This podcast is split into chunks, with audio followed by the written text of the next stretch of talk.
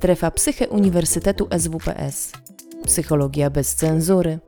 Więcej merytorycznej wiedzy psychologicznej znajdziesz na psycheswps.pl oraz w kanałach naszego projektu na YouTube i Spotify. Zapraszamy.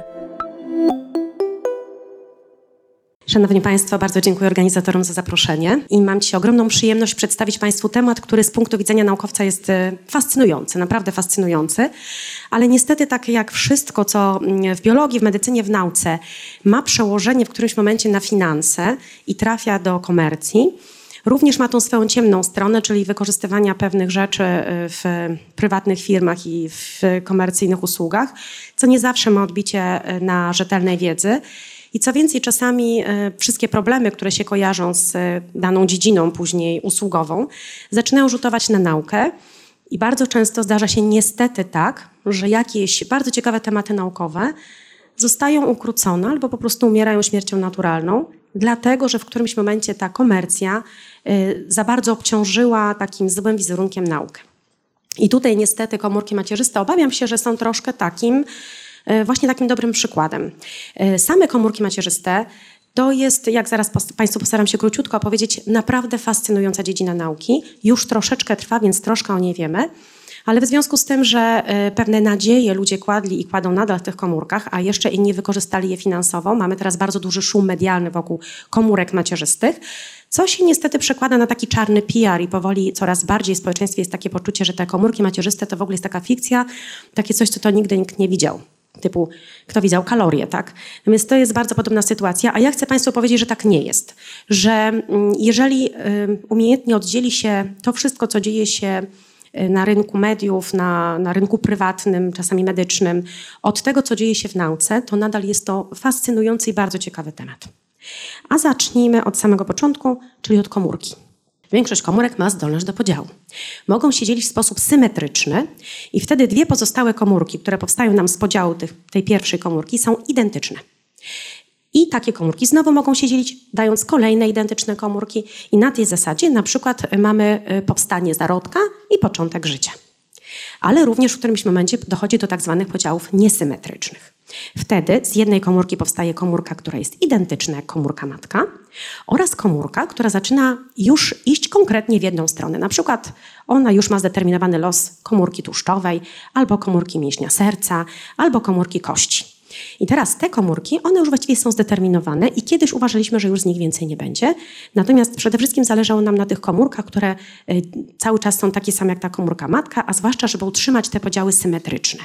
Stąd w ogóle zaczęła się cała nauka o komórkach macierzystych, które mają zdolność do samoodnowy, później do różnicowania. I tak zaczyna się nasze życie, czyli od takich symetrycznych podziałów. I te komórki, które na samym początku tworzą zarodek, to są te komórki, z których możemy osiągnąć każdą tkankę. I te komórki jesteśmy w stanie zróżnicować do funkcjonalnych komórek każdej tkanki, czyli do komórki mięśnia serca, które będzie miało zdolność do kurczenia się, do komórki nerwowej, która będzie miała szansę przewodzić impulsy nerwowe, czyli nie tylko wygląda jak dana komórka, ale zachowuje się jak dana komórka ale później im dłużej żyjemy, tym mamy mniej tych komórek macierzystych i dlatego pewnie się starzejemy. I e, te nasze komórki też zaczynają troszeczkę inaczej się zachowywać. Tak więc, jeśli mówimy o komórkach macierzystych, to na tym początkowym etapie rozwoju to są komórki, które jak scyzoryk są w stanie zrobić wszystko. Im jesteśmy starsi, tym te nasze komórki coraz mniej są e, zdolne do różnicowania w każdą stronę. Pierwsze badania były prowadzone nad komórkami embrionalnymi, a właściwie bardziej e, prawidłowo nazwać by je można było zarodkowymi, które były obarczone dużą, e, dużymi problemami etycznymi, jak również, ponieważ z nich mogło powstać wszystko, to w pierwszych badaniach klinicznych z zastosowaniem tych komórek powstawały nowotwory. No bo jak wszystko, to dlaczego by nie? One miały zdolność do nieograniczonego e, podziału, a więc mnożyły się, mnożyły, mnożyły, aż doprowadziły do nowotworów. I to jest bardzo ważne, bo to jest cecha komórek, które z jednej strony są w stanie faktycznie odnowić nam tkankę, ale z drugiej strony niekontrolowane mogą nam dać nowotwór. Później mamy okres płodowy. To są komórki, które już jakoś mają piętno zróżnicowania, czyli one już jakoś poszły w jedną stronę i już jest trudniej je, e, z nich praktycznie rzadko kiedy otrzymujemy nowotwory, głównie są to już progenitory różnych E, różnych tkanek. I stąd pojawiły się pierwsze badania dotyczące na przykład komórek płodowych neuralnych, o których też pewnie, pewnie czytaliście w którymś momencie w prasie, bo to te komórki pójdą już tylko w neurony, nie dadzą nam nowotworu, ale mogą nam pójść i w neurony, i w astrocyty, i w oligodendrocyty, i faktycznie funkcjonalne komórki. Znowu kwestia mm, kontrowersyjna. Powstała piękna książka Przerodzić żal w nadzieję, polecam Państwu, która została stworzona po to, żeby pokazać, że z dramatu ludzkiego, rodziców, można wyciągnąć jakieś dobro, tak jak w transplantacji, kiedy ktoś młody albo starszy umiera i dochodzi do transplantacji narządów. No ale niestety idea troszkę um, została zdeptana przez rzeczywistość. I później mamy sytuację, w której mamy dorosłych, y, dorosłe osoby, czy też dzieci dorosłe osoby, każdy z nas ma tkankę i w każdej z tych tkanek istnieją komórki mezenchymalne macierzyste, które najczęściej dają potomne komórki w idące w daną tkankę.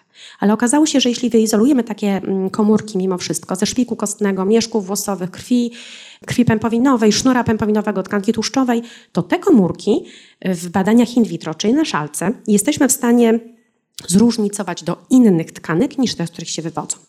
I to by troszkę e, nam tłumaczyło, skąd my mamy możliwości do regeneracji a dało jednocześnie bardzo dużą nadzieję, że może będziemy w stanie to kontrolować. No bo co się dzieje, kiedy doznamy urazu? Po pierwsze mamy taką sytuację, że się najpierw gromadzą komórki układu immunologicznego, które oczyszczają przed pole walki.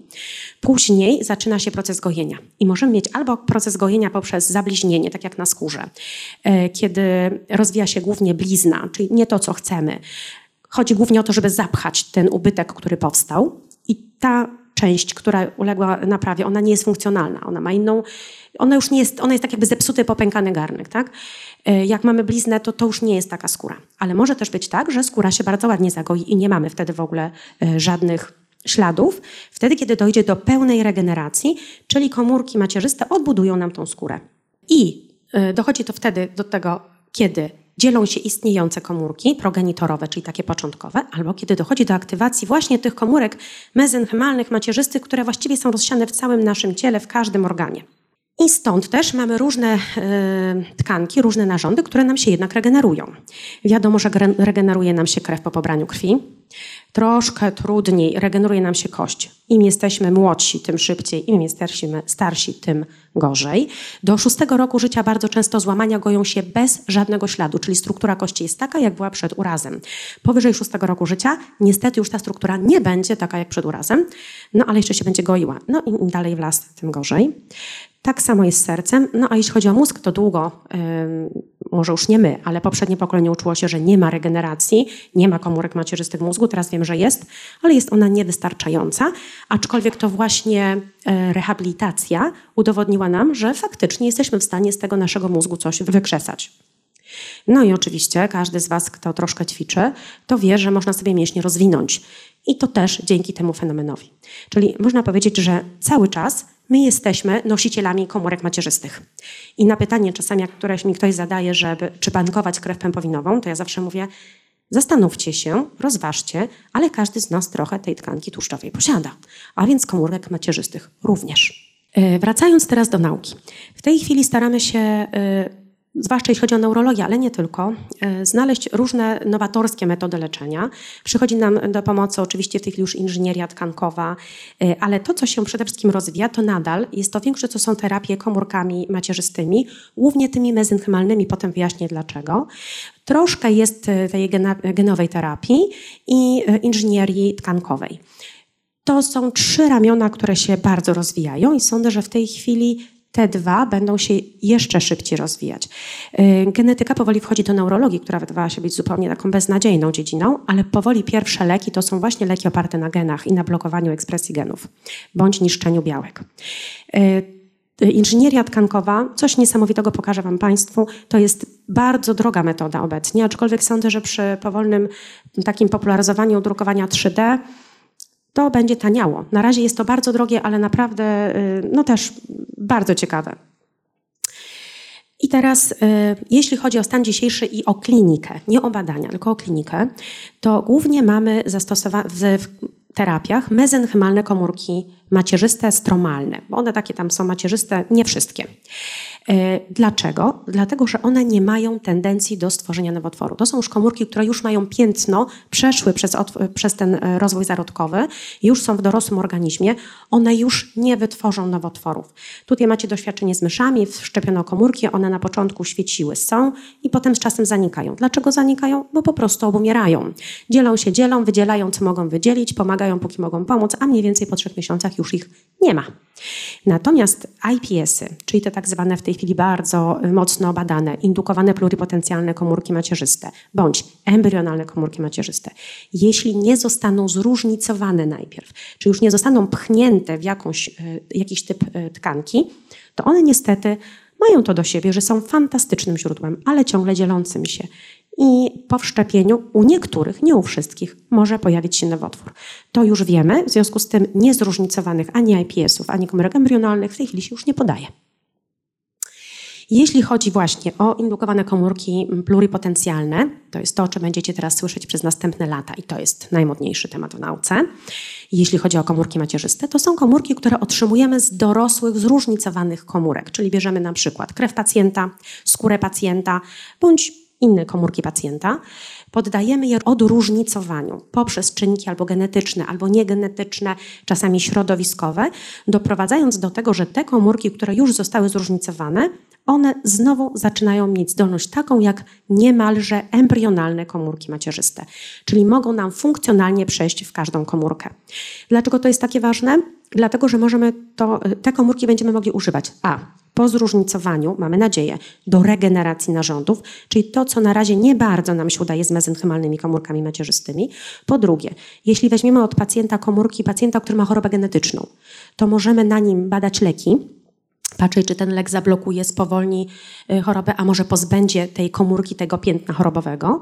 Możemy z nich budować organoidy, które będą nam przypominały mini nerki, mini jelita, mini mózgi, po to, żeby znowu badać na przykład, co się zdarzyło w rozwoju, na przykład dlaczego coś doprowadza do jakiejś choroby. I y, jak również możemy badać same mechanizmy chorobowe. Także to jest cała wielka działka, którą możemy na, z IPS-ami zrobić, która czeka tak naprawdę na, na Państwa, na młode osoby, które zaczną z tym pracować. Y, tutaj jest przykład właśnie terapii spersonalizowanej, kiedy ktoś z chorobą genetyczną miał y, pobraną krew obwodową, z tego wyprowadzono fibroblasty, czyli odróżnicowano do IPS-ów, potem zrobiono z tego komórki skóry, komórki progenitorowe neuralne, dorosłe neurony, kardiomiocyty i na tym badano różne leki, po to, żeby pomóc osobie, która ma tak zwany light syndrom, czyli chorobę neurologiczną dosyć ciężką. Tutaj mamy przykład organoidów. To z kolei są takie, nie wiem jak to powiedzieć tak bardziej popularno-naukowo, nie organoidy, tylko, znaczy nie agregaty, tylko to są komórki skupiają się tworząc taki, jakby taki układ, jak naturalnie to wygląda w e, danym narządzie. I tutaj na przykład mamy 3D model komórkowy jelit, gdzie możemy na przykład patrzeć, jak te jelita, gdzie, gdzie jest już kilka tkanek, nie jest tylko jedna tkanka, jest kilka tkanek, gdzie możemy patrzeć na przykład, jak one reagują na zakażenie, na mm, zakażenie SARS czy na przykład złuszcza się jakaś e, część komórek, czy te komórki są niszczone, a może one właśnie zaczynają proliferować. Tutaj mamy organoidy, które przypominają strukturę nerki, znowu, żeby patrzeć, jakie na przykład substancje mogą uszkadzać nam te nerki. I mamy również e, korę mózgu, na przykład, żeby patrzeć, co w rozwoju mózgu może doprowadzić do na przykład zaburzeń psychiatrycznych. Jaki czynnik, jaki lek, jaki czynnik środowiska może spowodować, że ta, ten układ mózgu, kory, nie będzie prawidłowy. Więc to jest wielka przyszłość, również jeśli chodzi o potem dalsze badania podłoże choroby. Wracając do tego, co mamy obecnie. IPS-y, różnicowanie IPS-ów to jest to, co się dzieje na gorąco teraz. Pierwsze badania kliniczne z komórkami wyprowadzonymi z IPS-ów już idą, ale terapii nie ma. I jeszcze wydaje mi się, że y, kawałek drogi przed nami. Natomiast jest już od dobrej dwóch dekad są badania kliniczne dotyczące komórek macierzystych, y, mezenchymalnych, stromalnych, tych takich wyizolowanych z tłuszczu, pępowiny itd. Tak itd. Tak po pierwsze, E, tak jak mówiłam, te komórki już mają ograniczoną możliwość różnicowania. One już rzadko kiedy dają nam funkcjonalne komórki e, in, zróżnicowane w inne tkanki niż te, z których pochodzą. Są bardzo różnorodne. Są między nimi komórki, które są w stanie faktycznie różnice, dzielić się tak na tym podziale symetrycznym, dając nam komórki potomne dosyć długo, czyli mają te cechy komórek macierzystych, ale duża część z tych komórek nie ma zdolności macierzystych, bardziej ma zdolności wydzielnicze. I my Biorąc od pacjenta tkankę tłuszczową czy krew pępowinową, mamy taki miks. Te komórki wyglądają z zewnątrz nie tak fajnie jak to. W skrócie, nie wiemy, które są macierzyste, a które nie. One wszystkie wyglądają identycznie. A tych macierzystych jest bardzo mało.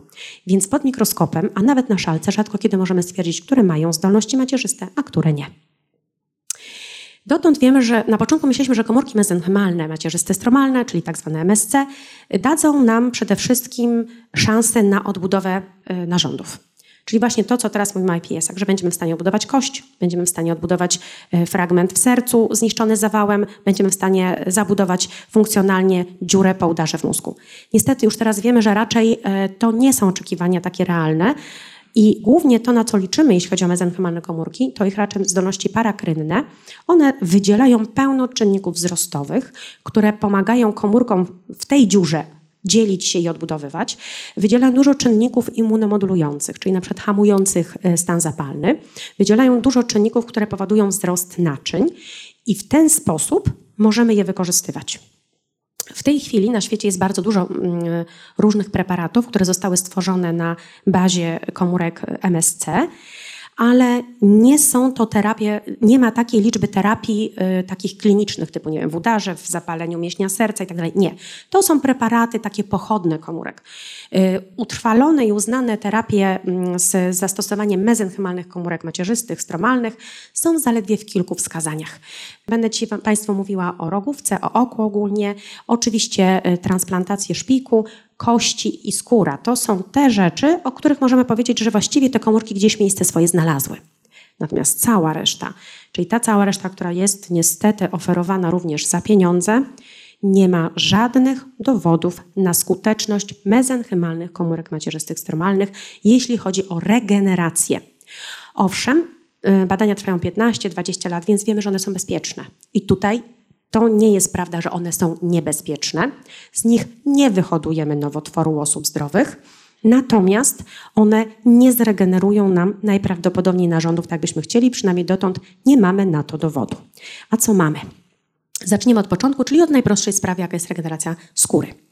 W tej chwili, jak mamy oparzenie albo duże uszkodzenie skóry, albo takie trudno gojące się rany pooperacyjne, to najczęściej jako lekarze stosujemy e, jakieś opatrunki, które przypominają skórę, na przykład taką integrę, po to, żeby mm, to miejsce uszkodzone ochronić przed zakażeniem, odpowiednio nawilżyć e, i dać czas na nasze, naszemu organizmowi na taką spontaniczną regenerację.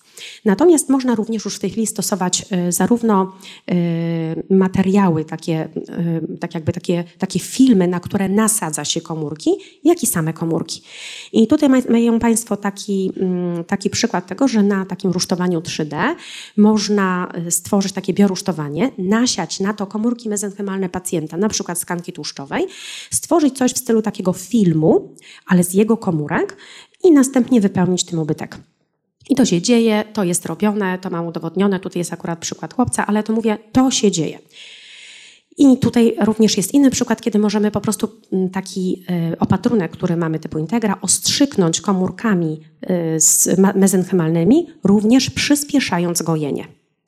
Y, dzieje się to również u nas w Polsce, dzieje się to w Siemianowicach Śląskich. Oni akurat używają mezenchymalnych komórek wyizolowanych z, z tego względu z owodni.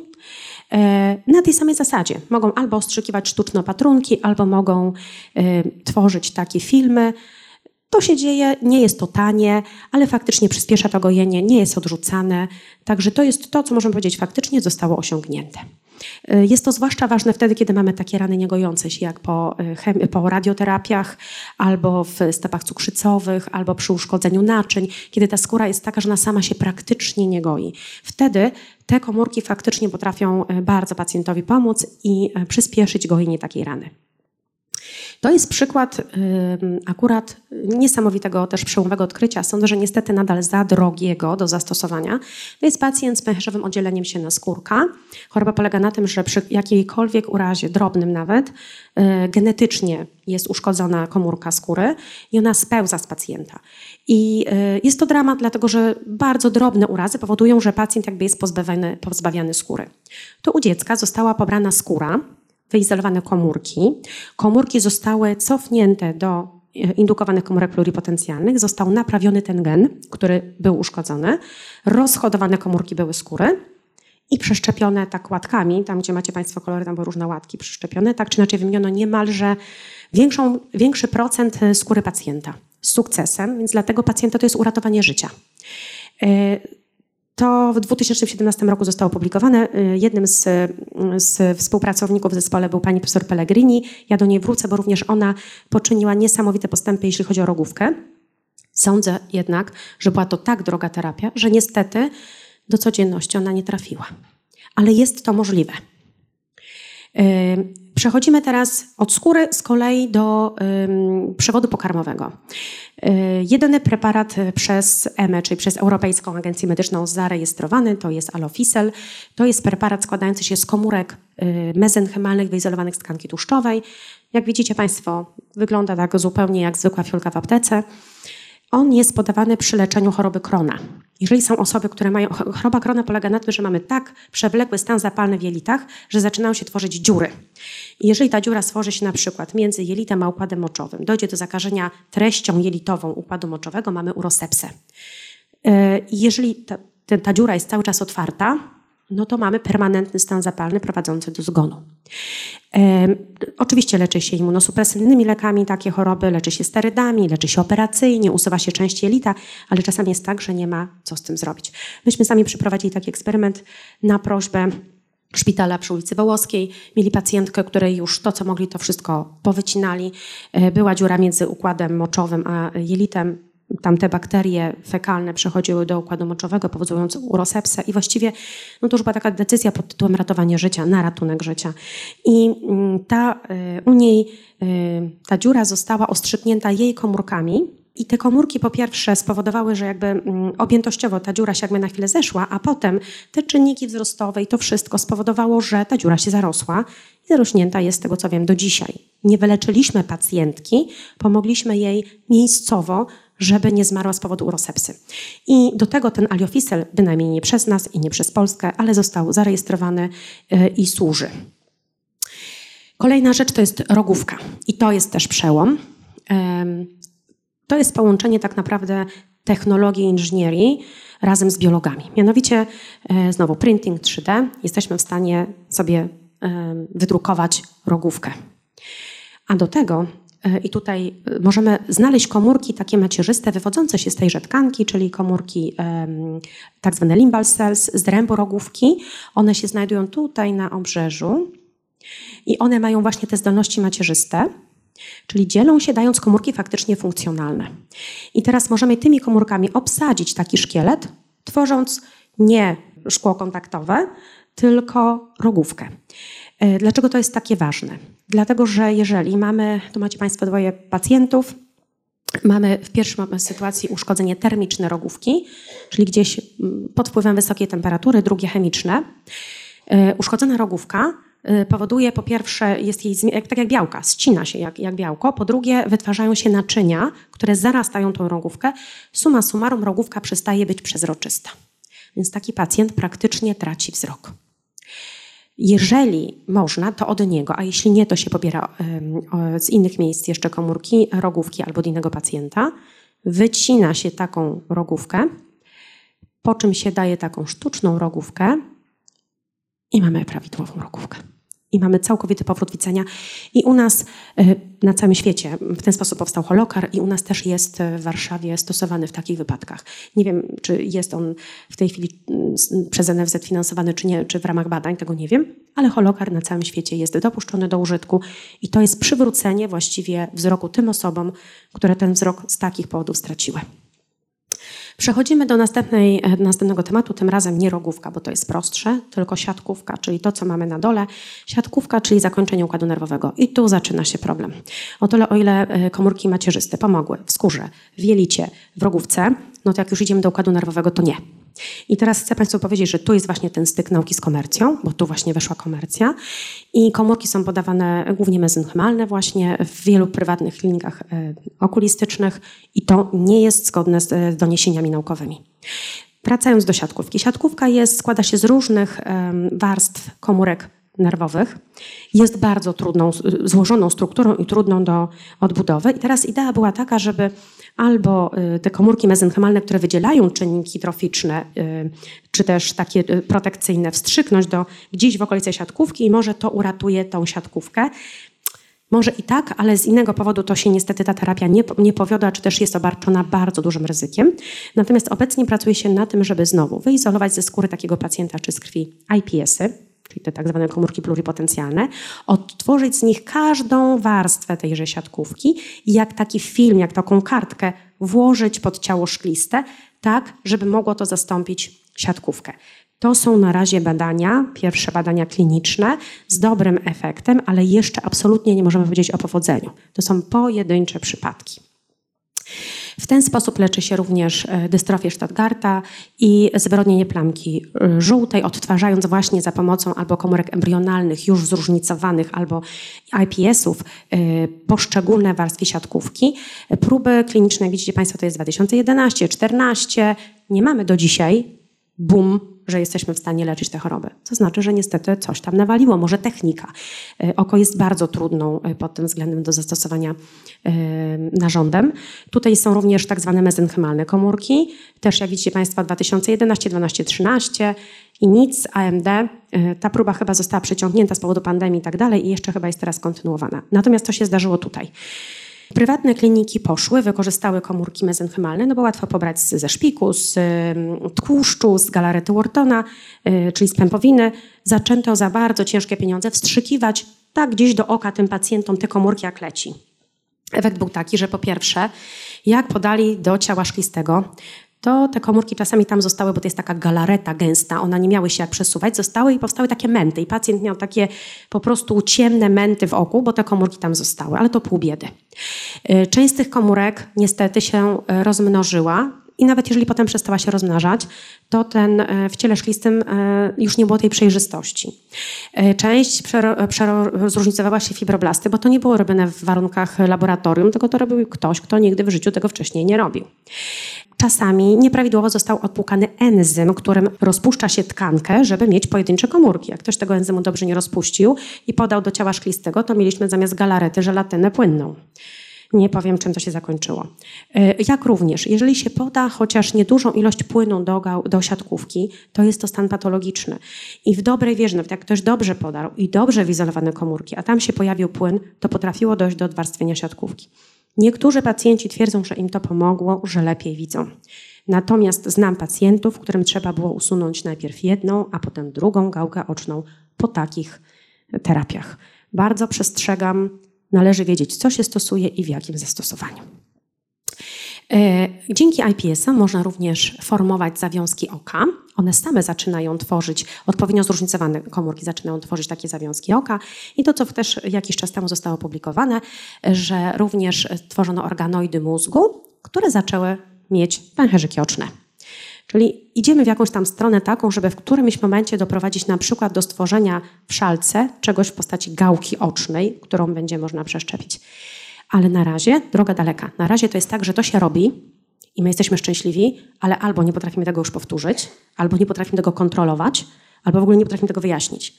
To jest tak zwana zasada pierwszego eksperymentu, który się udaje, jest boom, ale my nie mamy pojęcia tak naprawdę, dlaczego wydaje nam się, że nam, to wcale nie dzięki nam, tylko po prostu coś się z tymi komórkami zdarzyło, a my nie mamy pojęcia co i nie jesteśmy w stanie tego powtórzyć. Ale w skrócie pewnie jest to możliwe. Tak czy inaczej jest szansa, że w którymś momencie z tym wzrokiem, nie tylko z rogówką, ale i z siatkówką pójdziemy do przodu. Następne to są kości. Ortopedia to akurat jest to miejsce, gdzie mezenchymalne komórki również zaistniały. Ale jest bardzo ważne, żeby pamiętać, że mezenchymalne komórki, czy pobrane z tłuszczu, czy pobrane z pępowiny, czy pobrane ze szpiku, są zupełnie inne. One zasiedliły inne niższe komór- tkanki i one mają inne zdolności. I bardzo przestrzegam, jak czytacie artykuł, jest napisane mezenchymalne komórki to coś tam, coś tam. Ważne jest, skąd pobrane mezenchymalne, jak wyizolowane i jak hodowane. Komórki komórkom nierówne. To jest tak, jakbyście powiedzieli, że zwierzęta uwielbiają łapać e, ringo. No sorry, rzadko kiedy kota namówicie. I tak samo jest z komórkami. Są komórki, które bardzo ładnie będą tworzyć chrząstkę, a inne będą świetnie na przykład hamować stan zapalny, a jeszcze inne pójdą bardziej na przykład w kość. I trzeba wiedzieć, którą populację do tego wybrać. I e, komórki mają zastosowanie głównie ze, z rusztowaniami. I tutaj jest znowu e, coraz częstsze małżeństwo między inżynierami a, a naukowcami, czy też biologami. Razem możemy znacznie więcej. Oni tworzą konstrukty, my je zasiedlamy i duże ubytki kostne jesteśmy w ten sposób w stanie załatać. I faktycznie to ma miejsce i w stopie cukrzycowej, i w złamaniach niektórych, i w rozszczepie podniebienia. Tutaj jest akurat, e, to są prace z naszego laboratorium. E, jesteśmy w stanie zasiedlić tą kość i wtedy nie musimy przeszczepiać kości z innego miejsca, bo na przykład u dzieci przy tym rozszczepie podniebienia czasami musieliśmy wyciąć kość z talerza biodrowego, co powodowało deformację kości, już nie mówiąc o bólu i innych dolegliwościach u dzieci. Teraz możemy to w ten sposób leczyć. I znowu pewnie weszłoby to dużo szybciej i dużo częściej, gdyby nie kwestia ceny. Ale tutaj jest to możliwe i tu możemy rozwijać, o tym możemy myśleć, ale przestrzegam na przykład przed E, inaczej, wyrażę swoją opinię. E, uważam, że niedużym powodzeniem e, będzie obarczona terapia pod tytułem Poszedłem do ortopedy, on ode mnie po, pobrał krew, potem z nią zrobił coś na zapleczu, wstrzygnął mi komórki macierzyste do kręgosłupa, do kolana, do czegoś tam innego po pierwsze, nie żadne komórki macierzyste, bo ich się niestety nie wyizoluje w ciągu dwóch godzin tak na stole. Po drugie, one trafiając gdzieś do stawu, do, do kości tak luzem, one po prostu giną, bo nie mają o co się oprzeć, na czym żyć, gdzie stworzyć te połączenia. To nie jest takie proste. Więc tutaj przestrzegam, znowu tu jest styk komercji z nauką. Jedni powiedzieli, że mogą się różnicować, no to inni na tym zarobili krocie. A często jest tak, że jest podawane osocze, które ma zupełnie inne działanie, a niestety kwoty też są duże. Tu jest przykład y, odbudowy dużej części kości, y, czyli mamy najpierw 3D printing, potem zasiedlanie komórkami. To jest bardzo ważne przy nowotworach twarzoczaszki, gdzie możemy na przykład zrobić pacjentowi tomografię y, twarzoczaszki, w oparciu o to zrobić reprint 3D. Ten fragment, który w, w, trakcie operacji usuniemy, odbudować reprintingiem 3D i zasiedlić komórkami. Znowu, bardzo duża kasa, trzeba mieć odpowiednie laboratoria. To jest na etapie badań klinicznych, ale po, po, pojedynczy pacjenci i niestety nadal jest to za, za droga terapia, żebyśmy mogli naszych pacjentów tym leczyć. Ale jest to coś, co jest w zasięgu. I coś, co już jest bardziej pokazywane jako pojedyncze przykłady mm, takich rzeczy, ale sądzę, że jeszcze długo nie będzie, również ze względów cenowych, to jest na przykład odbudowa naczyń, gdzie możemy znowu stworzyć rusztowanie, zasiedlić zarówno komórkami mięśniowymi, potem komórkami endotelialnymi, odpowiednio uformować i mamy takie naczynia, czyli mamy szkielet, potem z nasiedlonymi komórkami i mamy wyhodowane sztuczne naczynie. I to naczynie możemy przeszczepić, krew przepływa i wygląda to bardzo dobrze. Trzustka ta sama y, sytuacja, dokładnie te same etapy. Tak jak mówię, to wszystko jest y, na razie na etapie w pojedynczych laboratoriach badań. Nie trafiło do kliniki, do takiego użytku. A tu mamy e, z kolei też e, pokazuję Państwu dwie rzeczy po to, żebyście zwrócili uwagę na różnicę między nimi. Tutaj jest takie znane zdjęcie, e, kiedyś tam na myszy wyhodowano, ktoś inny na ręce. No co to znaczy wyhodowano? Nic nie wyhodowano, tylko po prostu sztuczny szkielet w kształcie nosa, ucha, nie wiem czego tam jeszcze, wszczepiono pod skórę i te komórki zarosły, porosły, zasiedliły, ale nie ma to nic wspólnego z funkcjonalnością, to ucho w ogóle nie słyszy. Natomiast tu jest stworzona małżowina z takich komórek, ale do niej jest wszczepiony implant, i ten implant będzie odbierał fale e, dźwiękowe i wrażenia pewne dźwiękowe będzie już przenosił. Więc znowu tu jest, e, no trzeba rozróżniać, jak czytacie Państwo artykuły, trzeba rozróżniać na ile te informacje, które do Was docierają albo które są Wam przedstawiane, faktycznie są rzetelne. I przechodzę do najtrudniejszej chyba rzeczy, do środkowego układu nerwowego, gdzie mamy mnóstwo chorób niestety średnio uleczalnych to są doświadczenia, które już w 2015 roku były pokazywane, w 2017. Pokazano, że jeżeli wyizoluje się te właśnie żółte kuleczki z tych komórek mezenchymalnych, różnym doborem y, jakich znaczników. Jeżeli te komórki wszczepi się do zwierząt, to one są w stanie jednak, mimo że z dorosłego organizmu i mezenchymalne teoretycznie z założenia, odbudować tkankę nerwową, czyli tkankę, która nie ma nic wspólnego jakby już z tymi, komór, jakby z tymi komórkami, z których zostały wzięte, bo tkanka tłuszczowa wywodzi się z zupełnie innych struktur niż tkanka nerwowa. A więc jakby te komórki są w stanie zachować się prawie jak pluripotencjalne. W dwóch pracach na świecie to jest niedużo, ale zostało to udowodnione. Więc były próby również leczenia chorób neurologicznych. I teraz tak, dystrofie mięśniowe różnego rodzaju. To są choroby najczęściej genetyczne. Niestety tutaj nie mamy powodzenia. Po pierwsze, komórkami nie, wylicza, nie wyleczymy chorób genetycznych. No musimy pomyśleć sensownie. Jeśli jest choroba genetyczna, a my podamy komórki, to my przyczyny nie usuniemy. No to w takim razie może objawowo. Podawano progenitory komórek mięśniowych, żeby wzmocnić ten mięsień danego pacjenta, może dzięki temu ta dystrofia się tak szybko nie posunie. Ale okazało się, że e, przeżycie tych progenitorów i ich przetrwanie jest na tyle małe, że owszem, one może chwilowo troszkę poprawiały stan pacjenta, ale to było przemijająco i praktycznie niezauważalnie. I właściwie ta repopulacja w tych chorobach mięśniowych do dzisiaj nie ma zastosowania. Można podawać te komórki e, po to, żeby wyhamować stan zapalny, bo te mezenchymalne komórki hamują stan zapalny, ale efekt jest znikomy. Na pewno nie wart tego, żeby jakiekolwiek pieniądze za to płacić, nawet najmniejsze. I e, jeśli chodzi o choroby osiedkowego układu nerwowego, prawda jest taka, że tam, gdzie mamy tło zapalne, tak jak e, Guillain-Barré, tak jak miastenia, tak jak stwarnie rozsiane, to te komórki nawet jeszcze, jeszcze jakieś efekty mamy. Natomiast wtedy, kiedy chodzi o regenerację, tak jak udar, uszkodzenie mózgu, uszkodzenie rdzenia, to już jest bardzo ciężko i praktycznie nie mamy żadnych, e, żadnych dowodów. Więc jeżeli ktoś leczy porażenie dziecięce, chorobę krabego, udar mózgu, bardzo ostrożnie, bo nie ma żadnych dowodów na to, że te komórki faktycznie pomagają. Natomiast w chorobach, gdzie jest jakaś komponenta zapalna, jak i owszem. I tak mamy e, jednostkę chorobową, o której już Państwo dzisiaj słyszeliście, na pewno Pani Profesor Kuźmy, to jest twardzienie zanikowe boczne. Ja nie będę mówiła o, y, o tym, jak bardzo dewastująca jest to choroba i że jest to choroba nierokująca i nie mamy na nią leczenia takiego pod tytułem dzisiaj dam, jutro jestem zdrowy. Więc również i tutaj terapie komórkowe oczywiście były testowane. I e, różne komórki stosowano. Stosowano progenitory komórek neuralnych, czyli te płodowe, i komórki mezenchymalne. I teraz się stosuje IPS-y. Te badania trwają. Trwa to już mniej więcej dwie dekady. Pierwsze badanie chyba ponad 15 lat temu pani profesor Mazyni opisała. Nie mamy takiego y, dowodu, że na przykład statystycznie, inaczej, statystycznie nie możemy udowodnić, że te komórki pomagają. Badania kliniczne się toczą, więc jeszcze jesteśmy w trakcie, ale na razie, na dzień dzisiejszy nie ma takich statystycznych dowodów. Mamy pojedynczych pacjentów, którzy faktycznie mają dłuższe przeżycie, ale mamy bardzo wielu pacjentów, na których to w ogóle nie wpłynęło. Więc tak jak przy każdym badaniu, o skuteczności w tej chorobie komórek macierzystych mówić nie możemy. Natomiast o bezpieczeństwie możemy. I teraz mówię Wam po to, że jak będziecie czytać różne teraz artykuły, to tak jak w jednych będziecie słyszeli, że komórki macierzyste to jest przełom i można już nimi wszystko leczyć, albo drugie. Komórki macierzyste mezenchymalne są niebezpieczne i stanowią y, zagrożenie dla pacjenta, to teraz, żebyście wiedzieli mniej więcej, gdzie jesteśmy naprawdę. Tu jest przykład badania klinicznego, pani profesor powiedziała, żeby powiedzieć, bo nie była w stanie sama już o tym powiedzieć, właśnie wesela z komórkami, to jest faza druga. To są komórki mezenchymalne, akurat z tego co pamiętam chyba ze szpiku, które są odpowiednio prekondycjonowane, czyli wkłada się je w takie warunki, żeby one bardzo dużo pewnych czynników wzrostowych wytwarzały. Po co? Po to, żeby po podaniu do pacjenta były w stanie wzmocnić regenerację jego własnych komórek. E, nie po to, żeby stworzyć nowy rdzeń, tylko żeby pomóc opanować y, tam proces, to, no, toczący się proces degeneracyjny i uchronić, uratować to, co jest naturalnie. Wyniki nadal się, że tak powiem, toczą. Sądzę, że rok i dwa i będziemy mieli wyniki.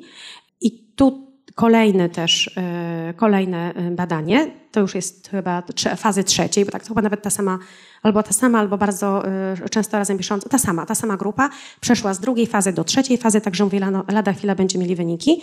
Wiemy na pewno, że, są, że u tych wszystkich pacjentów, a było ich bardzo wielu, nie, nie, nie było żadnych poważnych działań niepożądanych ale o efektach nie wiemy nic. W związku z tym nikt nie ma prawa, pro, znaczy nie ma prawa. Każdy powinien rozważyć, czy uczestniczyć w takiej terapii, gdzie nie ma żadnych dowodów naukowych na to, że ona pomaga, jeśli ktoś proponuje taką terapię komercyjnie. Bo każde badanie kliniczne jest nieznaną. Wszystko jedno, czy farmakologiczne, czy komórkowe. Wszystko jedno. No badanie dlatego jest kliniczne, że nie znamy wyników terapii. I warto jest brać udział, namawiać, być w tych badaniach klinicznych, ale na pewno nie komercyjnie. Tu mamy przykład również ze stwardnieniem rozsianym, gdzie tak samo e, były prowadzone badania i mm, wiemy, że nie było żadnych działań niepożądanych e, i że była tendencja w niektórych badaniach do poprawy, ale dowodów statystycznych nie ma. A że akurat w stwardnieniu, w stwardnieniu rozsianym mamy bardzo duży postęp farmakoterapii, to wydaje mi się, że w ogóle nie ma sensu prowadzić E, badań dotyczących jakby wspierania, znaczy może też źle powiedziałam, nie ma sensu. Nie ma takiej potrzeby jak wesela prowadzenia tak intensywnych badań z komórkami macierzystymi, bo mamy również farmakoterapię. W SLA tego po prostu nie ma. I rdzeń. Rdzeń to jest e, przykład dużego sukcesu naszej polskiej grupy wrocławskiej, która jako pierwsza w, na świecie zastosowała nową technikę, uzyskując niesamowitą poprawę. W tej chwili wiele ośrodków stara się trochę to powtórzyć, zmieniając mały detal i robiąc e, reklamy, to my jesteśmy pierwsi, ale to oni byli pierwsi. E, po wielu badaniach oni w końcu doszli do wniosku, że przeprowadzą doświadczenie w ten sposób. Mieli pacjenta, młodego pacjenta, który miał całkowicie przecięty rdzeń. Całkowicie. Więc było wiadomo, że jakby nic mu nie pomoże. Nie podawali samych komórek, tylko wzięli nerw obwodowy i zrobili taki most. Na tym uszkodzeniu przeciągnęli kabel. I dopiero ten kabel ostrzyknęli komórkami macierzystymi, w tym wypadku z opuszki węchowej, czyli takimi, które są nerwowe, można powiedzieć, ten, y, ten położony kabel, ten nerw. Dzięki czemu doszło do integracji, tak jakby do pomostowania faktycznie tego rdzenia. I ten pacjent nie dość, że zaczął chodzić, to z tego co wiem sprzed trzech lat, czyli znowu sprzed pandemii, bo ostatnie nasze takie e, face-to-face spotkania to niestety przedpandemiczne, teraz to powoli wraca. Ten pacjent nawet jeździł na rowerze, trzykołowym, ale jeździł na rowerze. Dla pacjenta z pełnym przeciętym rdzeniem nie było takiego opisu. To badanie było robione bardzo rzetelnie, tam byli nawet obserwatorzy z zagranicy. E, pan profesor Reisman z Anglii przyjeżdżał, obserwowali postępy tego pacjenta. Oni się szukowali do kolejnych pacjentów. Niestety problem jest taki. Jeżeli chcą udowodnić, że ich metoda działa, muszą mieć pacjenta, który będzie miał w pełni przecięty rdzeń. Nie zostanie tam ani odrobiny połączenia. Bo jeśli będzie niepełne przerwanie, to każdy powie, to nie wyście wyleczyli tego pacjenta, tylko rehabilitacja i jego własna natura. I nijak się nie udowodni, że oni w tym maczali palce. Iż znaleźć takiego pacjenta na szczęście z pełnym przecięciem rdzenia jest bardzo trudno. Tu mam przykład, zaraz zobaczymy, czy to tak pójdzie, y, z ośrodka spoza Polski, Pokazuję dlatego tego pacjenta, na ogół tego nie robię, ale po to, żeby Państwu jedną rzecz jakby pokazać, że w ciężkich neurologicznych schorzeniach, jeżeli my podajemy komórki macierzyste, mezenchymalne, bo to są komórki mezenchymalne, to my nie, nie, liczymy na poprawę. Pacjent nie chodził, wstał i zaczął chodzić. My liczymy na to, że na przykład poprawi mu się czucie, że na przykład będzie potrafił sam stać przez chwilę, że będzie w stanie wziąć łyżkę i sam się nakarmić, a dalej siedzi na fotelu czy na, na krześle, jak siedział. Nie wiem, czy nie rozumiecie Państwo, jeśli chodzi o, o y, stopień poprawy. To nie, bardzo, chodzi mi o to, żebyśmy nie oczekiwali od komórek tego typu i tych schorzeń cudów. My musimy być realistami. My walczymy o najmniejszy postęp. Jeżeli pacjent będzie w stanie sam łyżką cokolwiek robić, to on jest stanie sam się nakarmić, jest troszkę mniej uzależniony od innych. Jeśli on, jemu powróci czucie na przykład, bo od pasa w dół jest sparaliżowany, nic nie czuje, to może nie wsadzi nogi do wrzątku, a jak nadepnie na szkło, to poczuje.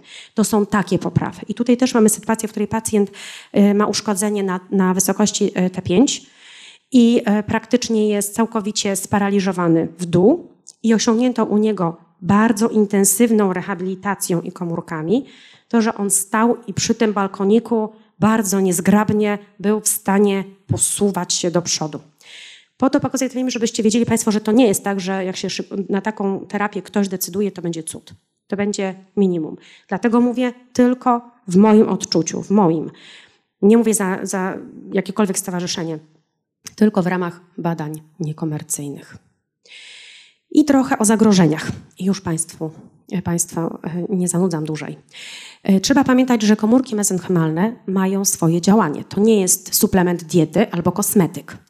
W związku z tym one wydzielają czynniki e, wzrostowe, które mogą zmniejszać stan zapalny, mogą zmniejszać na przykład proliferację komórek takich agresywnych typu limfocyty T, ale mogą również, dzięki temu, że wydzielają te substancje, rozwijać naczynia. Bardzo ładnie działają proangiogennie. Jeśli jest nowotwór, to my możemy go dokarmić. Jeżeli nie wiemy, że pacjent jest całkowicie czysty z nowotworów i pacjent ma gdzieś nowotwór, a my mu podamy komórki na przykład do krwi, żeby mu, no nie wiem co poprawić, młodość, to możemy jednocześnie spowodować, że będzie szybszy wzrost naczyń w guzie. Jeżeli mamy taką sytuację, że oprócz tego, że y, mamy ten rozwój naczyń, możemy mieć taką samą sytuację, y, gdzie te komórki będą współdziałały z innymi komórkami, powodując na przykład oporność na niektóre leki.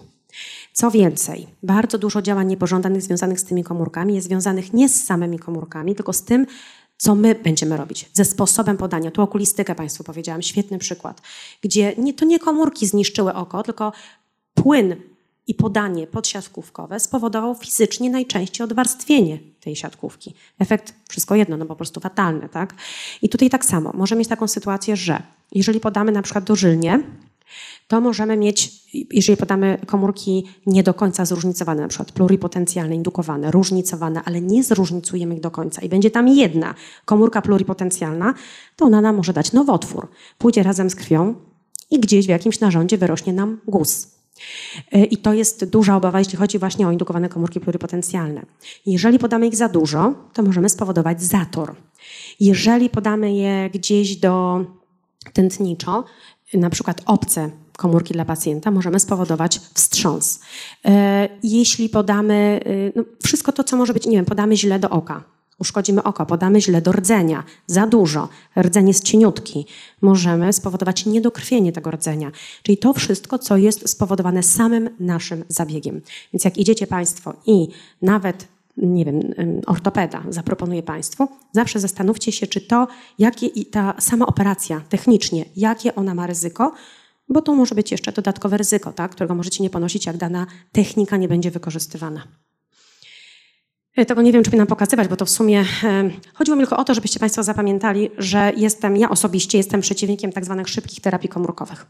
Nie dość, że uważam, że one nie działają, to jeszcze uważam, że właśnie przez to, co się dzieje tutaj i te nadużycia, które się tu dzieją, E, mamy taki czarny PR, jeśli chodzi o badania naukowe o komórki macierzyste. Do tego stopnia, że niektórzy nawet twierdzą, że komórek mezenchymalnych macierzystych stromalnych nie ma. No niestety, to jest to, co się dzieje wtedy, kiedy do nauki wchodzą pieniądze, a może inaczej, pieniądze są zarabiane na podstawie czegoś, co ktoś wyczytał. Nie będę Państwu mówiła na temat kremów z komórkami macierzystymi. Już w ogóle nie będę na temat komentowała. Mam nadzieję, że po tym wykładzie sami jesteście w stanie ocenić. E, także jak czytacie, zwracajcie uwagę, czy ktoś mówi komórki macierzyste, czy podaje jakie komórki. Jak podaje, że są to mezenchymalne albo pluripotencjalne, to czy podaje skąd wyizolowane. Jak już podaje skąd, to czy one były hodowane, czy były dwa, dwie godziny na zapleczu wirowane. Zwracajcie na takie detale uwagę i dla wszystkich młodych. To jest początek i naprawdę dużo ciężkiej pracy potrzeba, żeby coś jeszcze y, osiągnąć, ale jest to wspaniała dziedzina. U nas w Instytucie staramy się bardzo promować młodych, bo oni mają niesamowite pomysły, niesamowite idee. Z tymi komórkami w naszym Instytucie y, pracujemy, właściwie ze wszystkimi typami komórek macierzystych. Zapraszamy. Jeżeli ktoś z Was razem z promotorem dojdzie do wniosku, że ma ochotę również na eksperymentalną część pracy magisterskiej albo stażu, zapraszamy. Te komórki razem z kolegami inżynierami to jest trochę nasza przyszłość. Dziękuję bardzo.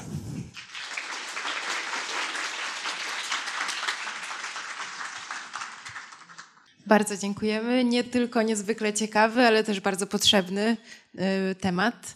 Także teraz będzie okazja zadać kilka pytań. Pani profesor, przekazuję mikrofon. Mam pytanie do y, informacji, która może nie była prawdziwa, że chromozomy na końcówkach mają pięć segmentów białkowych polimerów, które chronią je przed zniekształceniami przy podziale. na którym slajdzie pojawia się taka informacja, tak? Tak. Mhm. Mm, przyznam szczerze, nie pamiętam na którym slajdzie to było. Musielibyśmy ale, ale to było, tak? Bo ja przeoczyłem ten moment. Nie, nie kojarzę szczerze mówiąc tego slajdu. Mhm. To by oznaczało, że komórka po pięciu podziałach automatycznie nie, musi się... Nie, nie, absolutnie nie. Y, komórki, my komórki hodujemy, proszę pamiętać, że to jest na szalce, komórki hodujemy do 26 pasażu, to jest, to jest ponad miesiąc. Y, one się starzeją. Y, ja mówię tutaj o komórkach nieembrionalnych, które możemy dużo dłużej hodować, tylko mówię o komórkach somatycznych, czyli mezenchymalnych i nawet te absolutnie po pięciu dniach nie umierają, chyba że je sami wykończymy. Także tak, oczywiście ma Pan rację. Znaczy, jest coś takiego jak starzenie się komórki. Tak. Co, to, co to oznacza? Że... Co to znaczy, że komórka się starzeje? To znaczy komórki, które y, zaczynają już są po iluś podziałach y, i y, zaczyna się to, co Pan powiedział, czyli zaczynają się skracać telomery i komórki nam się, jakby to wygląda od strony zewnętrznej tak, że komórki zaczynają mieć mniejszą zdolność do podziału, zaczynają się dzielić coraz rzadziej, zaczynają zmieniać swoją morfologię, zaczynają mieć coraz więcej um, mutacji, co jest związane z coraz mniej sprawnym aparatem naprawczym. Um, i takie komórki y, w którymś momencie zaczynają po prostu wchodzić w drogę apoptozy i umierają.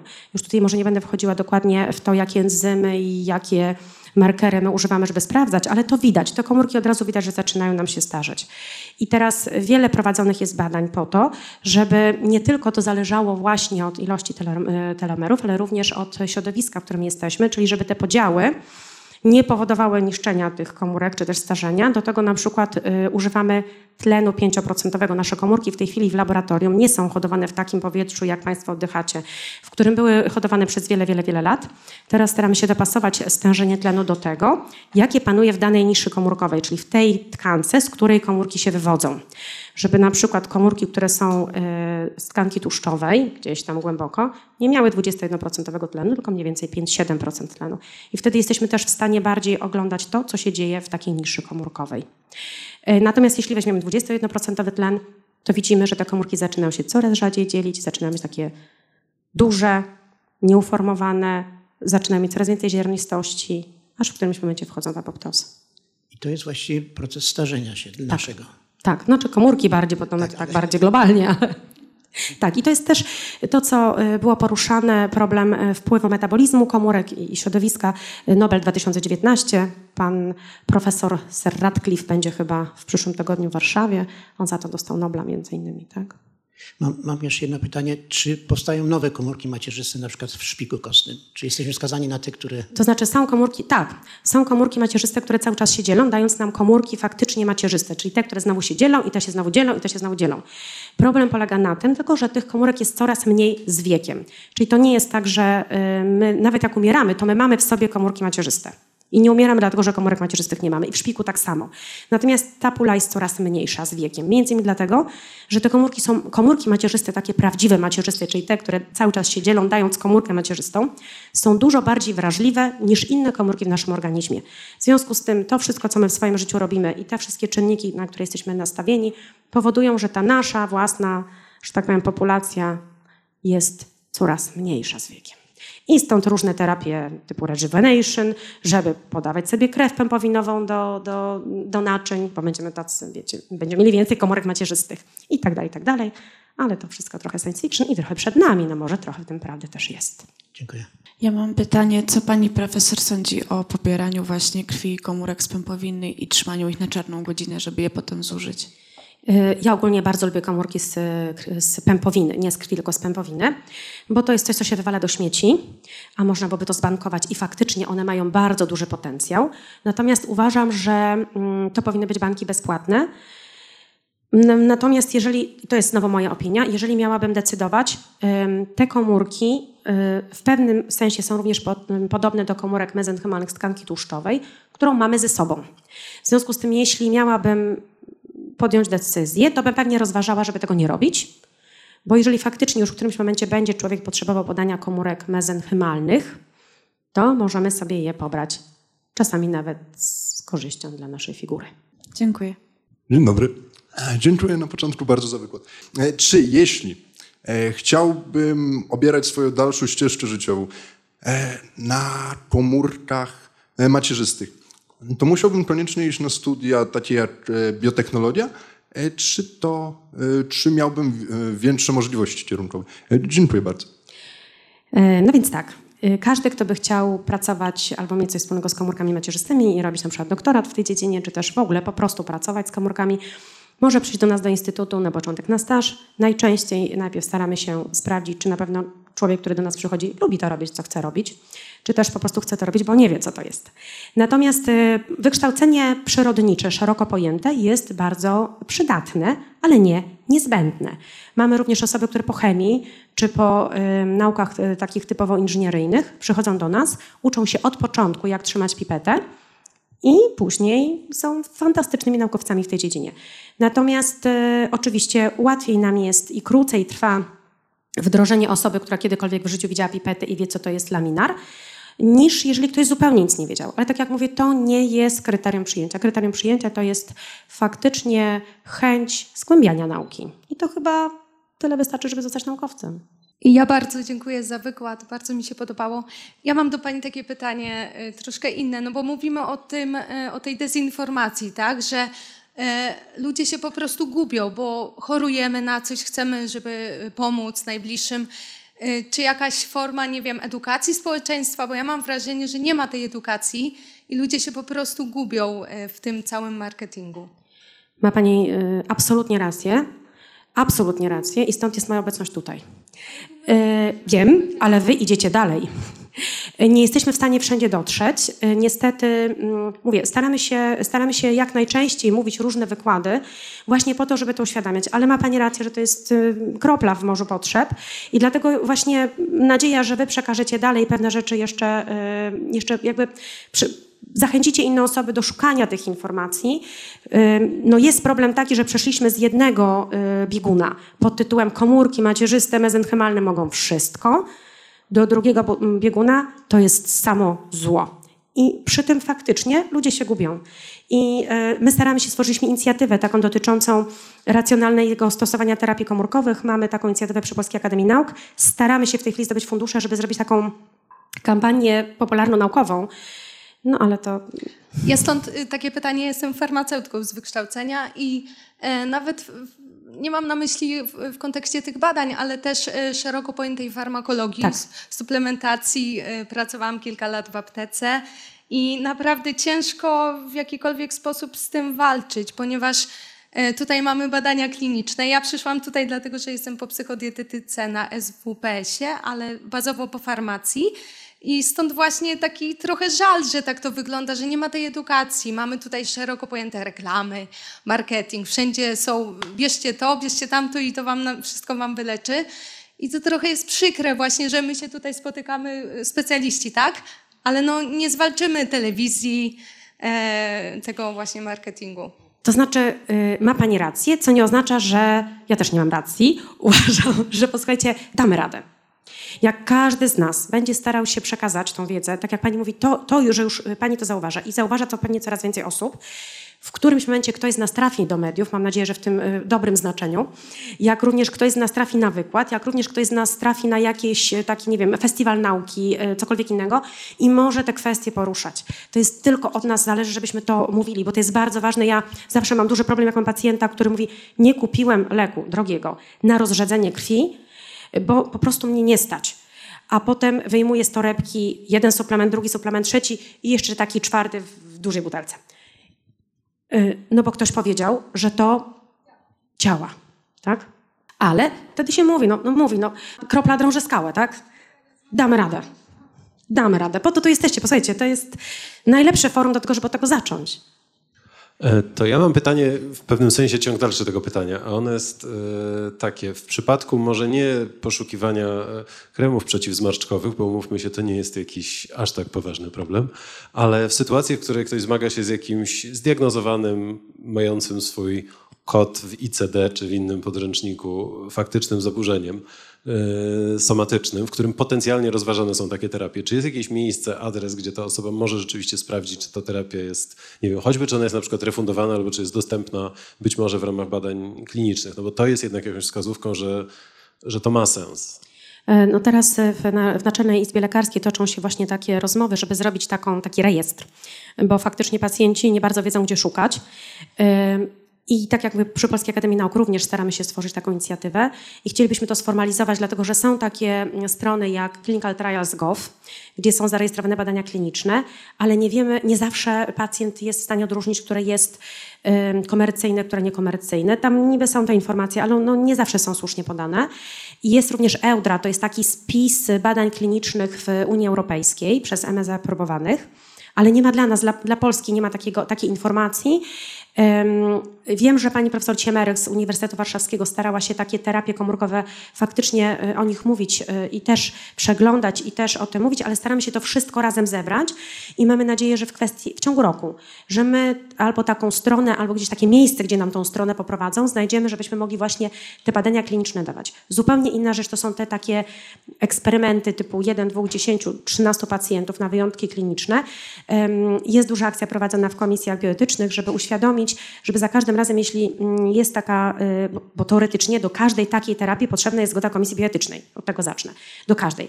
Ale żeby komisja bioetyczna prosiła wtedy o y, opinię eksperta, czy faktycznie to, co jest proponowane, ma jakąś realną szansę, bo umówmy się, jeżeli pacjent jest taki, któremu nic nie pomożemy, nic, po prostu nie ma na tą chorobę leków. Y, I jeżeli ktoś w ramach projektów chce spróbować badanie kliniczne niekomercyjne, to nie ma powodów, żeby odmawiać. Ale jeżeli wiemy, że są inne leki, a dana terapia komórkowa absolutnie nie pomoże, no to nie powinniśmy do tego dopuszczać. Staramy się, żeby byli eksperci i żeby komisje bioetyczne się o to pytały. Co innego y, medycyna estetyczna, ale to jest w ogóle tak, no. Dzień dobry. Ja chciałam zapytać o choroby neurodegeneracyjne i o jakąś szansę na, taki, na wyleczenie z takich chorób, czy na pomóc pacjentom, e, którzy mają na przykład chorobę Parkinsona.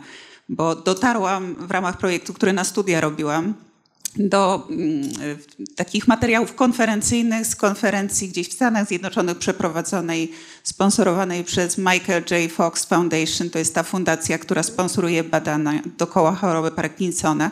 I to wyglądało całkiem obiecująco. I jakie są, jaka jest Pani wiedza na ten temat? Tutaj znowu jest kwestia tego, że y, mamy leki, jednak farmakoterapię, która powiedzmy, że różnie działa, ale najczęściej jakoś tam działa i ci nasi pacjenci już w tej chwili y, żyją dużo dłużej niż to było 10-20 lat temu. Prawdą jest również, że są prowadzone te badania. W tych badaniach niektóre badania zakończyły się znowu tendencją do poprawy, ale nie ma tak dużej statystyki, ale to też musiałoby być badanie na 300-400 pacjentach, a nawet większe, żeby mieć tą statystykę, więc to nie jest proste do zrobienia. Oprócz Stanów w tej chwili najbliżej nas, takie badania są prowadzone w Oksfordzie w Anglii. Oni tam mają e, specjalną, specjalną klinikę, która zajmuje się terapią e, komórkami macierzystymi, głównie neuralnymi, płodowymi, właśnie w chorobie Parkinsona. I gdybym ja miała takiego pacjenta, który się mnie pyta i mówi, ja jestem przeciwny leczeniu, nie chcę się leczyć farmakoterapią, albo farmakoterapia, zacząłem mieć chorobę w wieku lat 30, farmakoterapia teraz już w ogóle mi nie pomaga, to bym skierowała po prostu do takiego ośrodka, który wiem, że sensownie prowadzi badania, albo do Oksfordu, Również są u nas różne badania genetyczne w tej chwili, w Stanach również badania genetyczne y, i takie transfekcje różne. Są również neurostymulacje, czyli tych badań jest kilka. No, po prostu tutaj musi się wykazać neurolog prowadzący, kierując pacjenta do konkretnego ośrodka. Tak, w Oksfordzie są zaawansowane, oni zbierają tych pacjentów cały czas.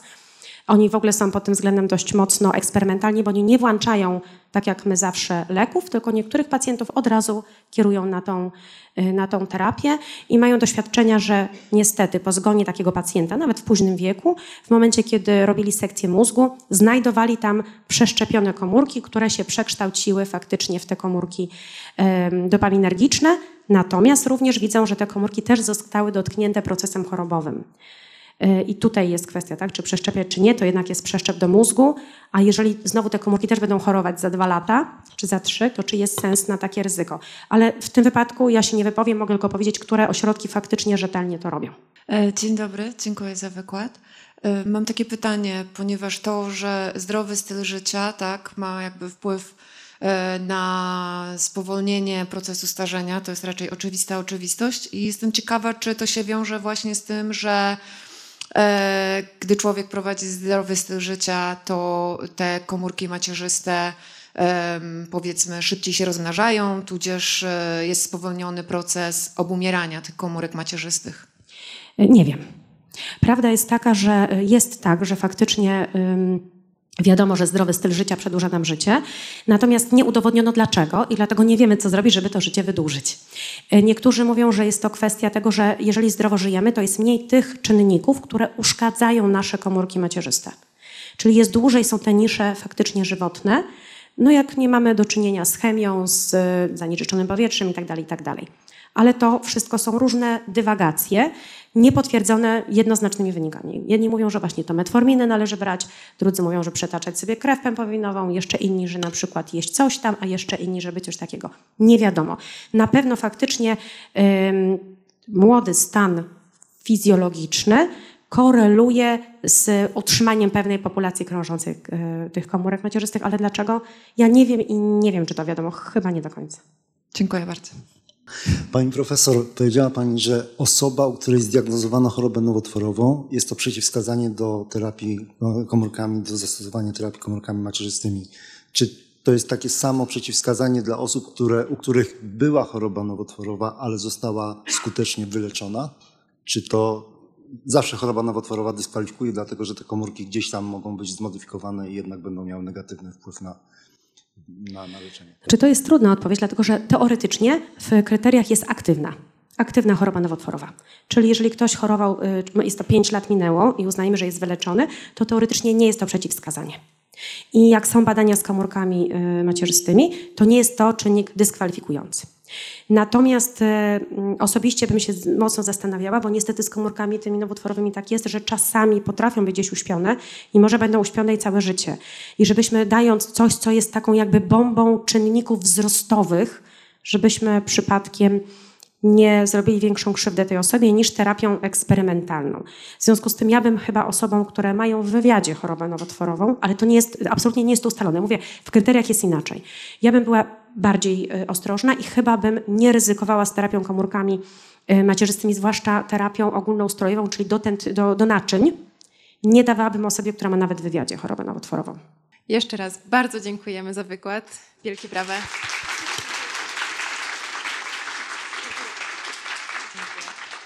Dziękuję Bardzo Państwu. Państwu dziękuję organizatorom.